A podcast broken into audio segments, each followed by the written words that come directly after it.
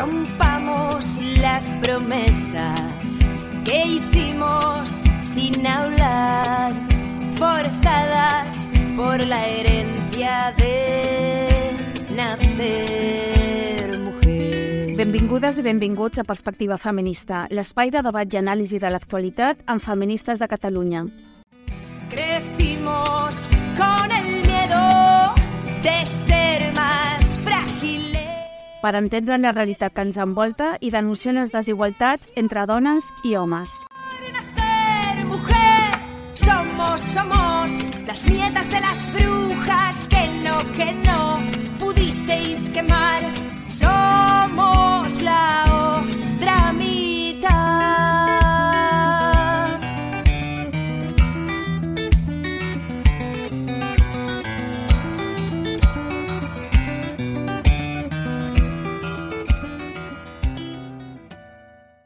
Benvingudes i benvinguts a aquest segon programa de Perspectiva Feminista, un programa quinzenal pensat no només com a espai radiofònic de debat i anàlisi, sinó també com a espai de divulgació i aprenentatge, i sempre acompanyades per la música de dones que ens inspiren, com el tema musical de la nostra capçalera, La otra mitad, de la cantautora madrilenya Pilu Belbert. Sintamos nuestra fuerza,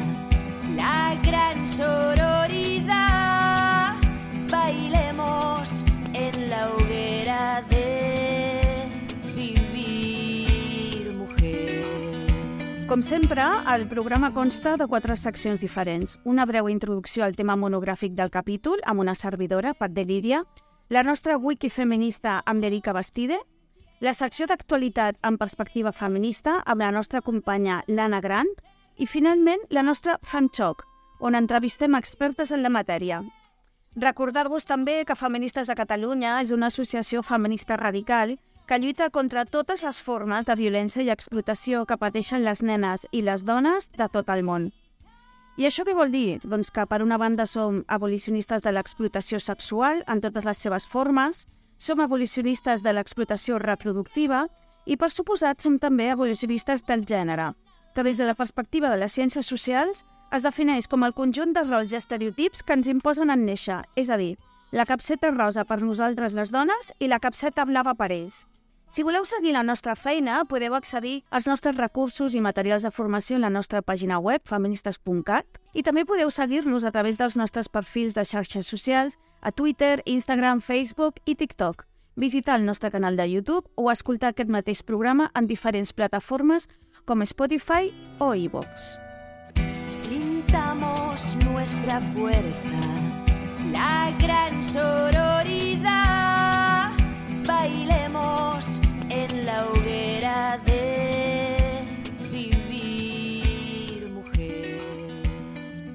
Abans de començar, voldria fer un petit aclariment sobre una informació que vàrem difondre a l'anterior capítol i sobre la que voldria realitzar una correcció. Vàrem dir que el 8 de març, el Dia Internacional de la Dona Treballadora, se celebra en memòria de les més de 120 treballadores que van morir assassinades l'any 1908 a l'incendi d'una fàbrica tèxtil de Nova York. Però la realitat és que aquest incendi es va produir més tard, l'any 1911, un any després, de fet, que durant la Segona Internacional de Dones Socialistes es, decidí fix, es decidís fixar a la gent del 8 de març com el Dia Internacional de les Dones Treballadores degut a les nombroses vagues que les treballadores del sector tèxtil dels Estats Units havien dut a terme durant aquells anys. Per tant, l'incendi de la fàbrica de camises a la que van morir 146 persones, de les quals 123 eren dones i nenes, va servir en realitat només per reforçar aquesta decisió que ja s'havia pres anteriorment. I un cop aclarit tot això, ara sí, comencem.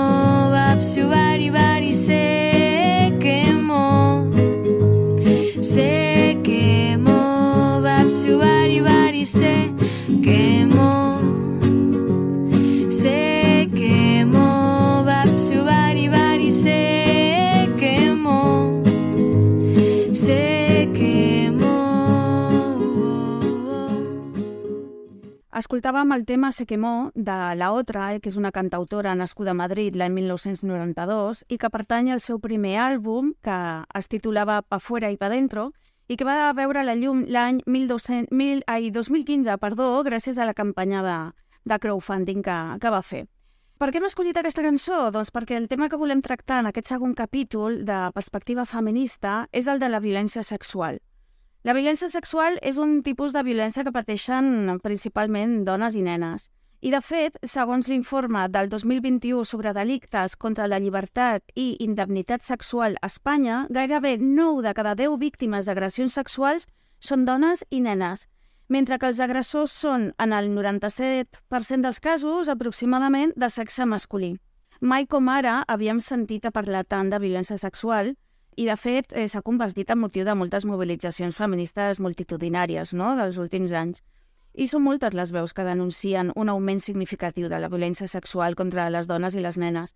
I les dades semblen apuntar precisament en aquesta direcció, no?, de l'augment. Us eh, llegeixo algunes dades que tinc aquí apuntades perquè jutgeu vosaltres mateixes i vosaltres mateixos. Segons les dades del Ministeri de l'Interior, l'any 2022 es va produir un augment del 38% de les violacions respecte al 2019, l'any previ a la pandèmia de la Covid-19. I segons el grup d'estudis avançats de violència de la Universitat de Barcelona, entre 2012 i 2021 l'increment de delictes sexuals registrats ha estat d'un 89%. Però a banda d'aquestes dades, eh, que ens parlen d'un augment de violència sexual contra dones i nenes, eh, el cert és que també ens trobem amb el que podríem anomenar noves tendències i que resulten, jo crec que força preocupants. I bàsicament són tres. Per una banda, la manera en què s'exerceix aquesta violència sexual sembla que està canviant, no? De nou, segons dades del Ministeri de l'Interior, l'augment de violacions grupals durant els últims anys ha estat tan sumament alarmant que des d'aquella famosa violació grupal comesa per la manada de Pamplona durant els Sanfermins del 2016, es calcula que a Espanya s'han produït al voltant de 3.000 violacions grupals. Vull dir, realment és una dada sumament esgarrifosa. Una segona tendència, doncs veiem, i després ho parlarem a la secció d'actualitat, que disminueix, baixa molt l'edat tant de les víctimes com dels agressors també. I per últim, una tercera tendència és el, la qüestió relacionada amb l'autoria d'aquestes agressions i amb els espais on es produeixen aquestes agressions. Perquè, en general, les persones tendim a pensar que les agressions sexuals es produeixen en un carreró solitari fosc, en plena nit, en un lloc apartat, i que l'agressor és un desconegut encaputxat, no? És com el primer que ens ve, ens ve al cap quan pensem en una agressió d'aquest tipus. Però la realitat és una altra, totalment diferent. Segons les dades de l'últim informe anual de l'Hospital Clínic de Barcelona, que porta un registre d'aquests crims, i que a més és el centre de referència en l'atenció a les dones majors de 16 anys víctimes d'agressions sexuals a Barcelona, segons aquest estudi, quasi el 60% de les agressions es va produir en un domicili i la meitat de les dones coneixia l'agressor o els agressors, en el cas de que fossin més d'un. I una dada més, si tot això ens posa els pèls de punta, també voldria destacar una qüestió que és fonamental, i és que es calcula que només es denuncia entre un 10 i un 15% del total dels crims de caràcter sexual. I per què això? bueno, doncs, fonamentalment per por la revictimització, és a dir, L'àmplia majoria de les dones víctimes de violència sexual no arriba a denunciar aquests fets, bàsicament per por a ser qüestionades, per por a ser jutjades o fins i tot per por a ser acusades de denunciar falsament. I clar, davant d'aquestes dades i d'una realitat tan sumament dolorosa, jo crec que cal fer-se certes preguntes, no? com ara què, què, què està passant, per què tanta violència contra dones i nenes, eh, perquè sembla que cada vegada més aquesta violència sexual es practica en grup, perquè els agressors són cada cop més joves i, i fins i tot alguns són menors d'edat. I sobretot, a mi el que més em preocupa i el que més em balla pel cap és on aprenen aquests comportaments? Perquè això no és innat, això no ve en un gen, això és, això és un comportament après, observat i imitat. I la realitat és que, en resposta a aquestes preguntes, hi ha nombrosos estudis que apunten cada cop més al consum de la pornografia, com a origen o com a escola d'aquests comportaments apresos. Per què? Doncs perquè els continguts de la, um, audiovisuals de la pornografia són cada cop més violents, perquè el consum cada vegada està més estès gràcies a les plataformes internet i perquè, a més, hi ha un accés a aquests continguts de forma cada vegada més precoç.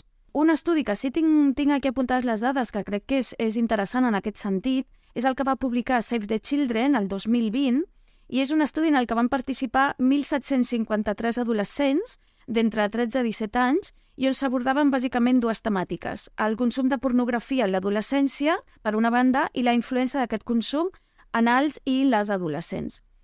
Quins van ser els resultats? Només us destacaré 3-4 dades. Per una banda, els resultats apuntaven a que el 30% de les persones encastades, per, pel 30% de les persones encastades, perdó, la pornografia és la seva única font d'informació sobre pràctiques sexuals, no? Davant l'absència d'una educació afectiva sexual, tant a les famílies com als centres escolars, doncs aquesta sembla ser, la pornografia és la és l'única font d'informació sobre pràctiques sexuals. Una altra dada, el 54%, majoritàriament nois, creuen que la pornografia dona idees per les seves pròpies experiències sexuals i el 55% li agradaria posar en pràctica el que ha vist. De fet, el 47,4% dels adolescents que ha vist contingut pornogràfic ha portat alguna escena a la pràctica. I el més preocupant de tot és que, quan intenten imitar el que veuen, no sempre sol·liciten consentiment previ a la seva parella sexual. De fet, el 12,2% dels nois ho ha fet sense el consentiment explícit de la seva parella i sense que aquesta li hagi semblat bé. Él era un violador cualquiera, tenía por delante toda una vida de alegrías y penas y libertad sexual. Pero no calculó, nunca pensó que un día una mujer sobreviviera a su agresión, dejarse de ser víctima tomando la cerilla y el bidón.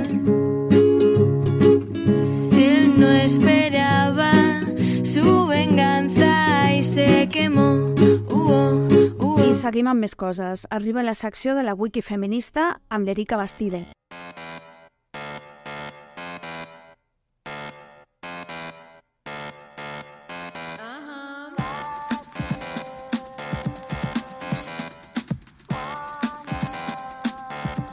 Benvinguts a la Wiki Feminista, jo sóc Erika Bastide i avui parlarem sobre violència sexual.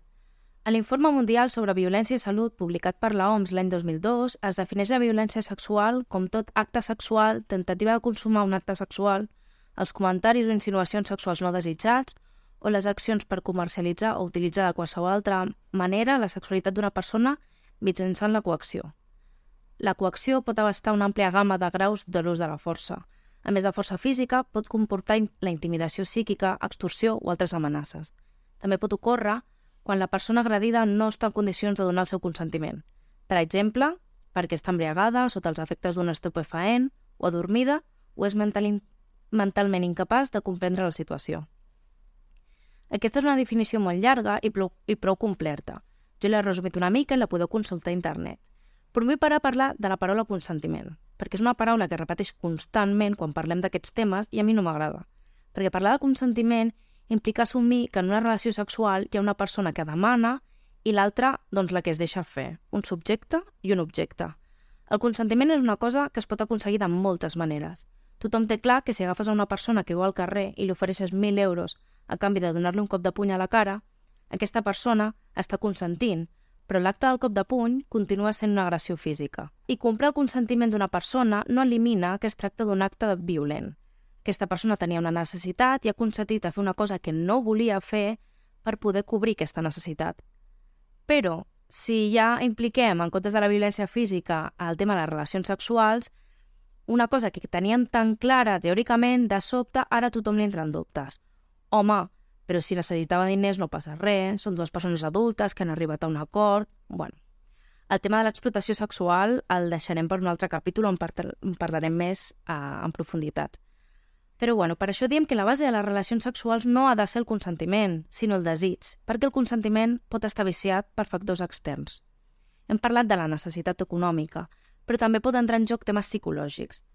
Per exemple, si la teva parella insisteix molt en tenir sexe o fer alguna cosa que tu no vols fer o no et ve de gust i finalment, per deixar-lo d'escoltar perquè és un pesat, acabes consentint, però tu no ho volies fer, això també és violència sexual. La violència sexual pot passar, efectivament, entre la parella. Hi ha nois que no volen posar-se un preservatiu i es passen hores insistint i posant excuses per acabar fent el que els hi dona la gana. Sabeu que hi ha un tipus de violència sexual que consisteix en que ell es treu el, el preservatiu ja no sense el consentiment, sinó sense el coneixement de la seva parella durant o abans de la penetració. Això en català es diu agressió profilàctica i està tipificat com a delicte. Jo no sabia que això de l'agressió profilàctica, ve de l'anglès, es diu still thing, és una cosa que es fa. O sigui, no tenia ni idea. Fins que ho vaig veure en una sèrie de HBO Max que es diu I May Destroy You en anglès o Podria destruir-te, on en una escena doncs, la protagonista és víctima d'aquest tipus d'agressió. Jo recomano molt la sèrie, és una mica forta perquè parla d'una violació per submissió química i no està recomanada per menors de 16 anys. És boníssima, ha guanyat, ha guanyat molts premis, està escrita, produïda, dirigida i protagonitzada per Micaela Coel, on fa una feina espectacular. I ens seguim preguntant, com deia la Pat abans, d'on surt tota aquesta violència sexual? Perquè, clar, un noi que no té ni idea de què és el sexe, com pot acabar exercint violència sexual sobre la seva parella? D'on ho ha pres? D'on ho ha tret? Nosaltres ens basem en estudis i que ho relacionen amb el consum de la pornografia. L'altre dia llegia un article on la Marina Pibernat, una companya de feministes de Catalunya, deia que la pornografia erotitza i normalitza la violència contra les dones i la fa sumament excitant pels homes. Presenta les dones en un pla d'inferioritat, cosificades i reduïdes a parts del seu cos, doncs, bueno, genitals, anus, pits i boca a, a lliure disposició dels homes. Un d'aquests estudis és el, el doctorat de la Mònica Lario, que està publicat eh, en para Política Sexual de la Pornografia sota l'editorial Càtedra, i la Mònica resumeix molt clarament la posició de les feministes sobre la pornografia, perquè així d'entrada de dir que estem a favor de la seva abolició sembla que siguem aquí cures de poble, superantiqu superantiquades i unes puritanes. Però és que les feministes no estem en contra de la pornografia pel que pugui tenir de sexe, sinó pel que té de violència.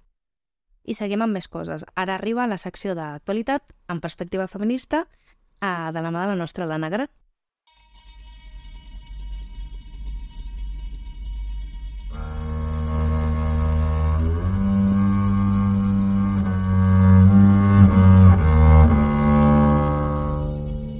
Hola a tothom, sóc l'Anna Gran i aquesta setmana l'actualitat ens ha deixat un regust ben amarg. Els últims dies hem assistit a un augment preocupant d'agressions sexuals realitzades per grups de joves menors de 14 anys a Catalunya. Us poso en context.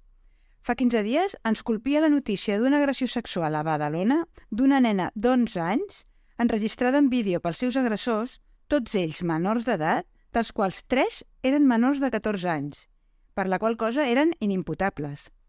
Esfereïdor. Jo crec que totes ens vam quedar sense saber què dir. Però no va ser un cas aïllat. El 2 de març llegíem que havien detingut cinc menors acusats d'agressió sexual a una companya de classe a un institut de Rubí. Dies més tard, ens arriba una altra notícia. Cinc menors agredeixen sexualment dues menors al Vendrell. Els agressors, tots menors d'edat, i d'ells tres menors de 14 anys, i per la qual cosa inimputables. Badalona, Rubí, Vendrell... Però seguim. Esparreguera. Cinc menors agradeixen una companya de classe. Els Mossos d'Esquadra han d'obrir una investigació per agressió sexual entre menors per tercera vegada en un mes. Dies més tard, llegim que obrien una altra investigació a quatre menors per una violació en grup a una nena de 13 anys a Salou. Dos nois ingressen a un centre i l'altre és inimputable perquè és menor de 14 anys. En 15 dies hem conegut 5 agressions sexuals executades per menors d'edat. Badalona, Rubí, El Vendrell, Esparreguera, Salou. Agressions sexuals a nenes menors d'edat. Quatre de les quals realitzades en grup, en manada, com a les pel·lícules pornogràfiques. És evident que aquí hi ha alguna cosa que està fallant. Aquesta situació és alarmant i requereix una reflexió profunda sobre la cultura de la violació que encara perviu en la nostra societat. Hem de ser conscients que aquestes agressions no són fets aïllats, sinó que són fruit de les desigualtats entre homes i dones que continuen existint, de la cosificació de les dones i de la normalització de la violència, que si no fem res, seguirà augmentant. És important Destacar que l'accés a la pornografia per part de menors està contribuint a aquesta situació. Els continguts pornogràfics a internet són fàcilment accessibles i creen expectatives irreals sobre el sexe i les relacions sexuals. Això porta a comportaments inadequats i a una falta de respecte cap als altres, especialment cap a les dones, ja que en aquests continguts els nens aprenen que les dones no són els seus iguals i aprenen també a vexar-les. Cal destacar que aquestes agressions també són un exemple de la importància de l'educació sexual i afectiva, que ha de ser una eina fonamental per la prevenció de la violència sexual. És imprescindible que les institucions educatives i les famílies abordin aquesta qüestió amb la seriositat i la sensibilitat que es mereix. La prevenció de les agressions sexuals perpetrades per menors requereix un canvi cultural profund i una educació que posi en valor el respecte, la igualtat i la llibertat sexual. Hem de treballar juntes per contribuir a una societat més justa i igualitària, feminista, i lliure de violències masclistes i sexuals, i també per protegir les nostres filles de la pornografia i altres continguts inadequats a internet. Un altre aspecte important que volem destacar és la manera com els mitjans de comunicació aborden aquestes notícies. Des d'una perspectiva feminista, és important que els mitjans assumeixin la responsabilitat de tractar aquestes notícies amb la sensibilitat i respecte cap a les víctimes. Cal evitar expressions que puguin culpabilitzar les víctimes i adoptar un llenguatge més empàtic i respectuós. I també és important que la cobertura mediàtica es centri en la denúncia de les agressions sexuals en si mateixes i no en el comportament de les víctimes. Això no només deshumanitza les víctimes, sinó que també perpetua la cultura de la violació. Us poso un exemple d'aquests dies. Hem sentit gent que deia què feia una nena amb cinc nens a un lavabo? Estem culpabilitzant la víctima o què estem fent amb aquesta pregunta? Els joves que perpetren aquest tipus d'agressions sexuals són el producte d'una societat que els socialitza amb rols de gènere tradicionals on la masculinitat està estretament relacionada amb la dominació i el control sobre les dones, i això condueix a comportaments sexuals, coercitius i violents. És important dir que els joves que perpetren agressions sexuals han de rebre suport per abordar les seves conductes i actituds, com teràpia, programes d'educació i rehabilitació, entre altres formes de suport que els ajudin a comprendre el dany que han causat i a fer canvis positius en les seves vides. Però aquí podríem encetar un debat si tinguessin temps que no en tenim. Si són ells responsables dels seus actes, no? O no? Qui és responsable dels seus actes? Els seus pares? La societat? L'administració? El negoci multimilionari de la indústria pornogràfica? Qui ha de reparar el mal fet? Els seus pares? L'administració? La societat? Quin futur espera aquestes nenes agredides? Jo us convidaria a plantejar-vos preguntes i anar més enllà de lectures simplistes. La violència masclista és transversal i acabem de veure que no entén d'edats, ni classes socials, ni orígens. Reflexionem-hi. És evident que aquí hi ha alguna cosa que no funciona. Pensem, i se'ns acaba el temps, i hem de seguir amb més coses. Arriba la secció Fem Toc amb la nostra companya, la Pat de Lídia.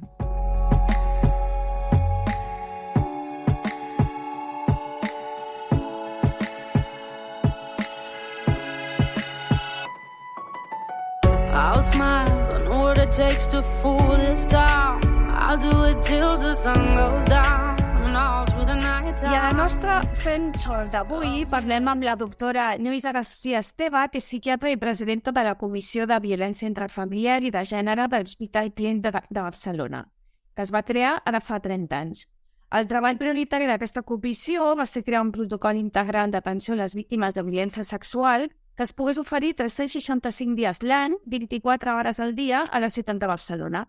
Un model d'atenció que a dia d'avui és referent a nivell internacional. Hola, Lluïsa, benvinguda. Hola, Pat. Què tal? Molt bé. Gràcies per convidar-me a parlar amb vosaltres. Gràcies a tu per acceptar la nostra invitació. Ens agradaria molt que ens parlessis d'aquest protocol integral d'atenció a persones que han patit una agressió sexual. En què consisteix aquest protocol i per què creus que s'ha convertit en un referent internacional?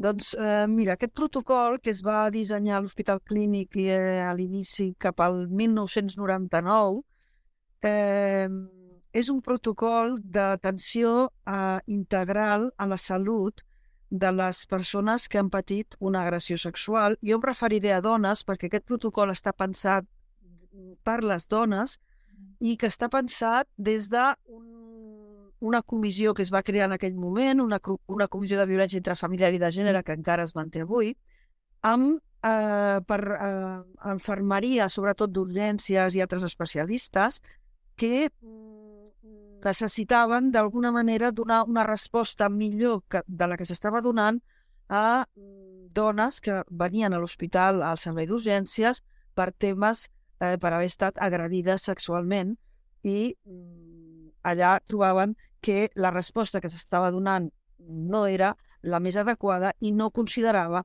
que eh, allò era un problema de violència masclista i un problema de salut integral. Eh, aquest protocol que s'ha anat desenvolupant des d'aquell des d'aquell any fins ara, vull dir, continuem, no? fa 30 anys que el anem desenvolupant, hem anat eh, canviant, analitzant, incorporant diferents aspectes. Uh, a dia d'avui és un protocol prou complet que compleix, compleix amb els estàndards no? de, de bones pràctiques amb l'atenció a la salut a la violència masclista i compleix també amb, uh, o pensem que ho compleix, amb uh, donar respostes a les necessitats, a les necessitats d'atenció que les víctimes tenen en aquell moment.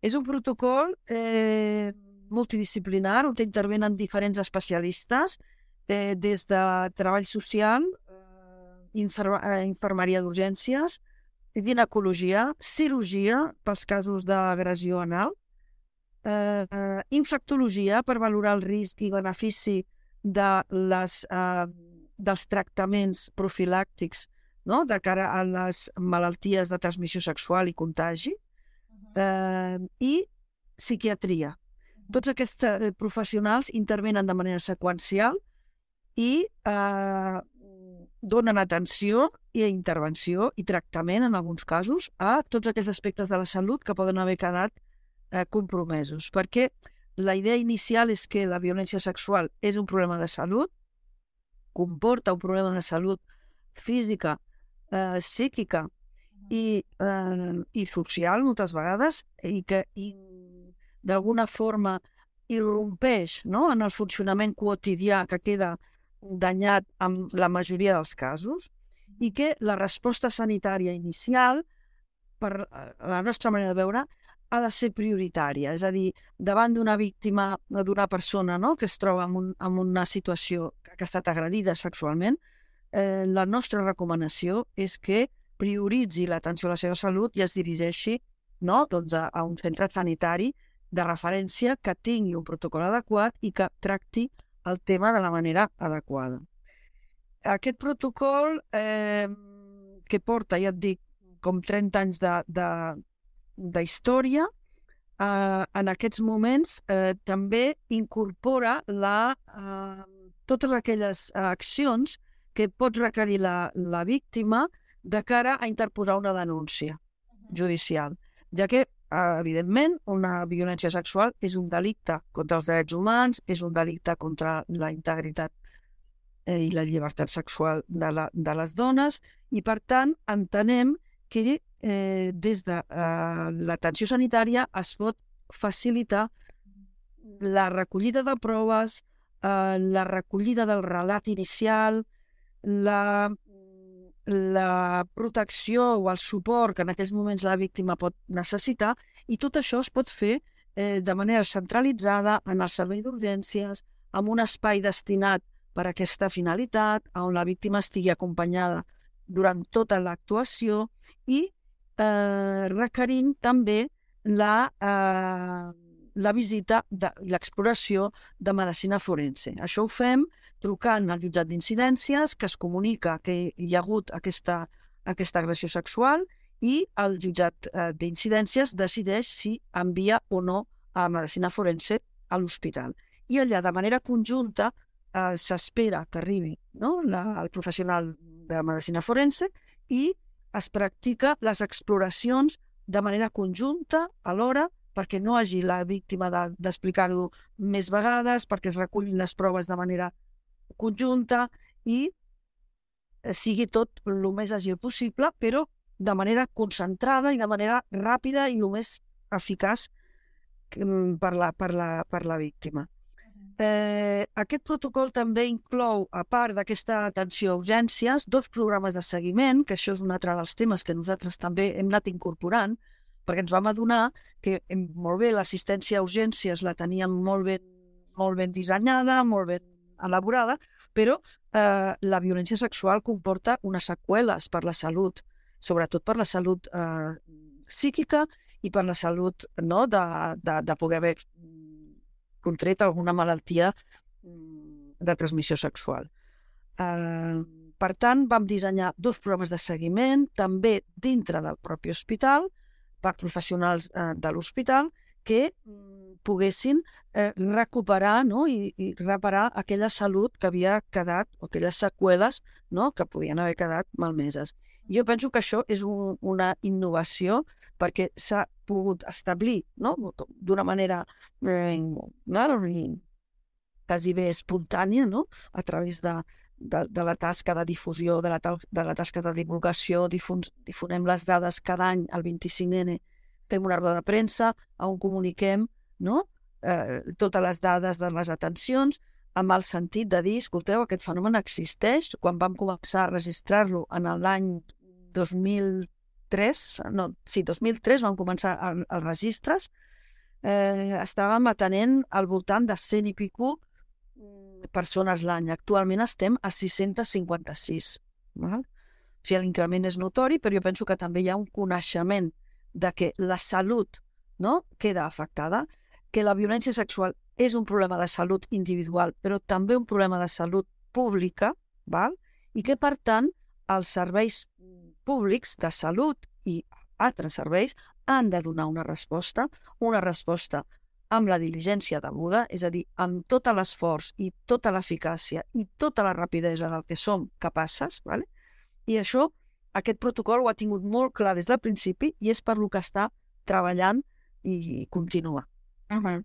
De fet, em sembla també molt interessant i és el, la, aquesta idea de que uh, la violència sexual, més enllà de l'impacte a títol individual no, que pugui tenir en la vida d'una dona que ha estat víctima d'una agressió, és, com bé dius, un problema de salut pública, no?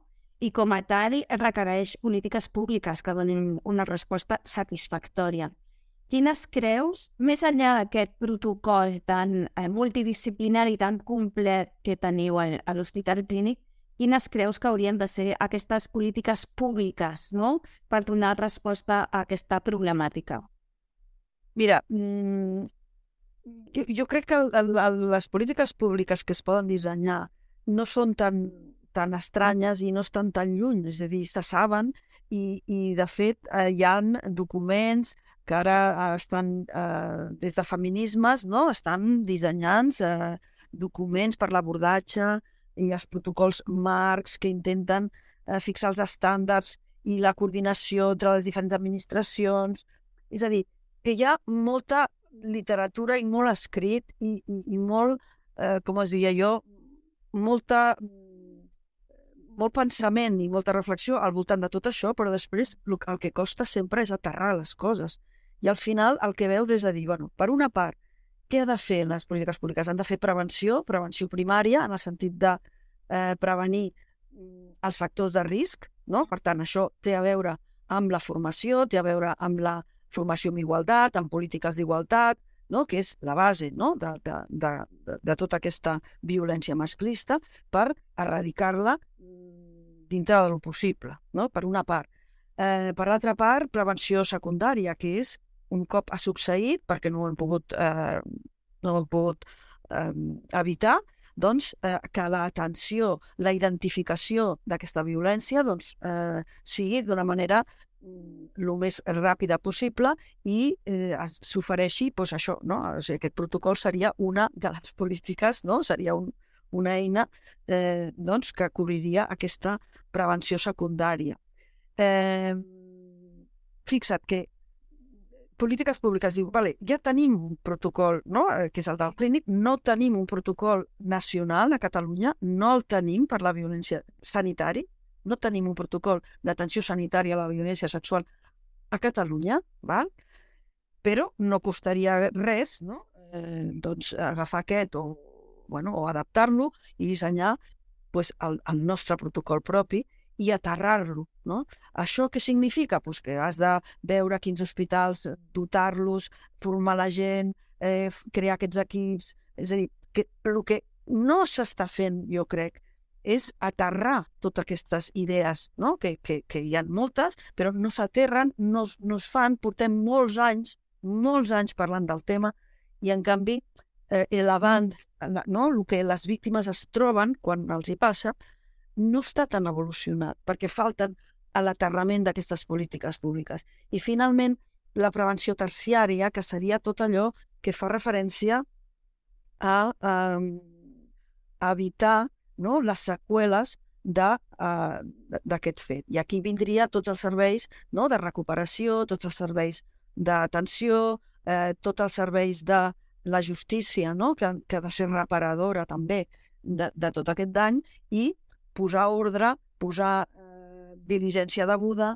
puja, posar perspectiva eh, de gènere en totes aquestes àrees i anar modificant les pràctiques antigues que són revictimitzadores, que no contemplen les necessitats de les víctimes, que tenen moltes i moltes deficiències. No? És a dir, que no es tracta tant d'inventar, jo crec, sinó d'endreçar i posar-ho, en fi, a, aplicar totes aquestes coses que ja sabem, de revisar, per exemple, la, la, quina formació s'està fent, quina és la, la, la, formació afectivo-sexual que s'està fent a les escoles, què s'està dient sobre les violències masclistes, sobre la relació entre, entre, entre els nens i les nenes.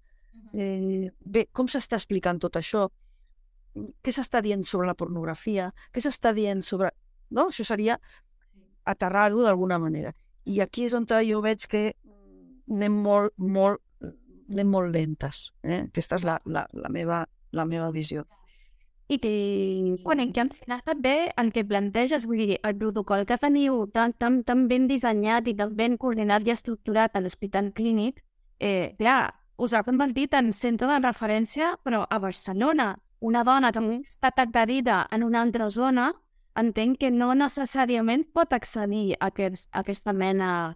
No, no. Allà aplicaran el protocol que suposadament tenen i que, bueno, els diferents eh, centres hospitalaris d'altres territoris, no? doncs, com a centres de referència que, que, que, que deuen ser, doncs, eh, doncs a, aplicarien el seu. Què passa amb aquest protocol del clínic? Aquest protocol del clínic eh, té eh, treballadora, treball, treball social 24 hores eh, en el servei d'urgències tots els dies de l'any, té infermeria, per suposat, té ginecologia, té cirurgia, té infectologia, té psiquiatria, és a dir, té, té tots els especialistes que es necessiten per donar aquesta bona assistència o aquesta bona atenció.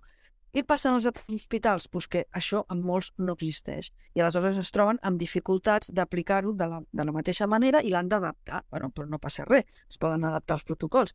Però el que està molt clar és que falta un lideratge aquí amb, amb el tema de salut, eh? A on es diguin, bueno, molt bé, a Catalunya, doncs dissenyem aquests protocols, eh, agafem el del clínic o no, o, o bueno, l'adaptem, o el canviem, o... però falta aquesta mena d'organització, de mapeo, no hi ha un mapa, és a dir, si tu av- avui dia no, no, no, no hi ha manera de saber on la gent ha d'anar, o, o, o, bueno, tot és molt justet, eh, per dir-ho d'alguna manera, i a vegades no és tant el tema del diner o de la inversió, no? a vegades és molt el tema de l'estudi, de tenir les estadístiques, de tenir els registres, de saber com, no? quin, quin hospital o quin equip, com ho organitzaràs en cada territori, que pot ser diferent. No, no tots els territoris s'han d'organitzar igual, però el que sí que cal és que estiguin organitzats i que estiguin preparats. És a dir, que no pot ser que arribi una víctima i, bueno, doncs, això només ho fem fins aquí, allò només ho fem fins allà, allò no, no, no ho tenim perquè... Bueno, això és el que no pot ser, no? I, i, i aquesta mena de, de, com diré jo, com de, de prendre-s'ho en sèrio i prendre's que aquest tema de la violència sexual és un tema que interpel·la a salut de manera prioritària, o sigui que no és un, un tema de segunda per salut, no? La salut de les víctimes és un tema prioritari, o hauria de ser, hauria d'estar a les carteres de serveis, hauria de ser algo que salut tingués molt clar, que és eh, competència seva i responsabilitat seva la sanitat pública d'oferir totes aquestes eh, atencions i serveis a, a la violència sexual. Per exemple, tot el tema de les seqüeles psíquiques, eh, la recuperació d'aquestes seqüeles, que moltes vegades no és fàcil i no és ràpid, val? Eh, això no està ben organitzat. Això, moltes de les dones eh, se'n van a, a serveis eh, privats i s'ho han, i han de finançar de la seva butxaca. Això no s'hauria de consentir. És a dir, perquè això, en el fons, és una revictimització. És a dir, a sobre que t'han fet el que t'han fet, a sobre que t'ha passat el que t'ha passat, tu t'has de gastar els teus diners no? per trobar eh, de nou la salut que, que, que, que has perdut o que, o, que, o que ha quedat danyada. No? És a dir, tot aquest tipus de coses que, és, que denoten no? una sensibilitat, una, no? un, un interès pel tema, un, un estar preocupat, doncs ja s'haurien d'haver resolt, perquè això s'ha dit moltes vegades. Hi ha molta lentitud. Hi ha, no? Es va avançant, però amb una lentitud tremenda. I com si salut no fos eh, no? no fos un, un, un, una conselleria que, que, que, que hauria d'estar en primera fila amb aquest tema. Exacte. Doncs eh, amb aquesta idea ens quedem de que la violència sexual és un problema de salut pública i com a tal requereix una resposta que estigui a l'alçada. Eh, moltíssimes gràcies, Lluïsa. Ens despedim de la doctora Lluïsa García Esteve, psiquiatra i presidenta de la Comissió de Violència Intrafamiliar i de Gènere de l'Hospital Clínic de Barcelona. Moltíssimes gràcies pel teu temps i les teves pacients explicacions. Moltes gràcies a vosaltres. Un plaer. Plaer.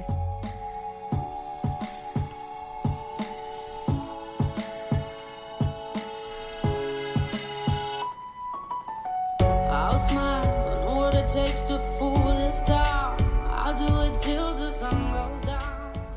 I fins aquí el Perspectiva Feminista d'aquesta setmana.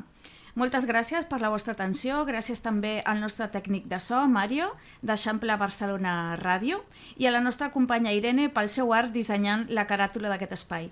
Bona setmana a tothom, salut i feminisme. Ens acomiadem amb el tema musical Somos Hermanas, de Mel Buñiz, cantant, compositora i multiinstrumentista argentina. Aquest tema musical pertany al seu àlbum Aguerrida, del 2020, i és un son amb orquestació tradicional cubana que parla de la lluita de les dones i de la sororitat.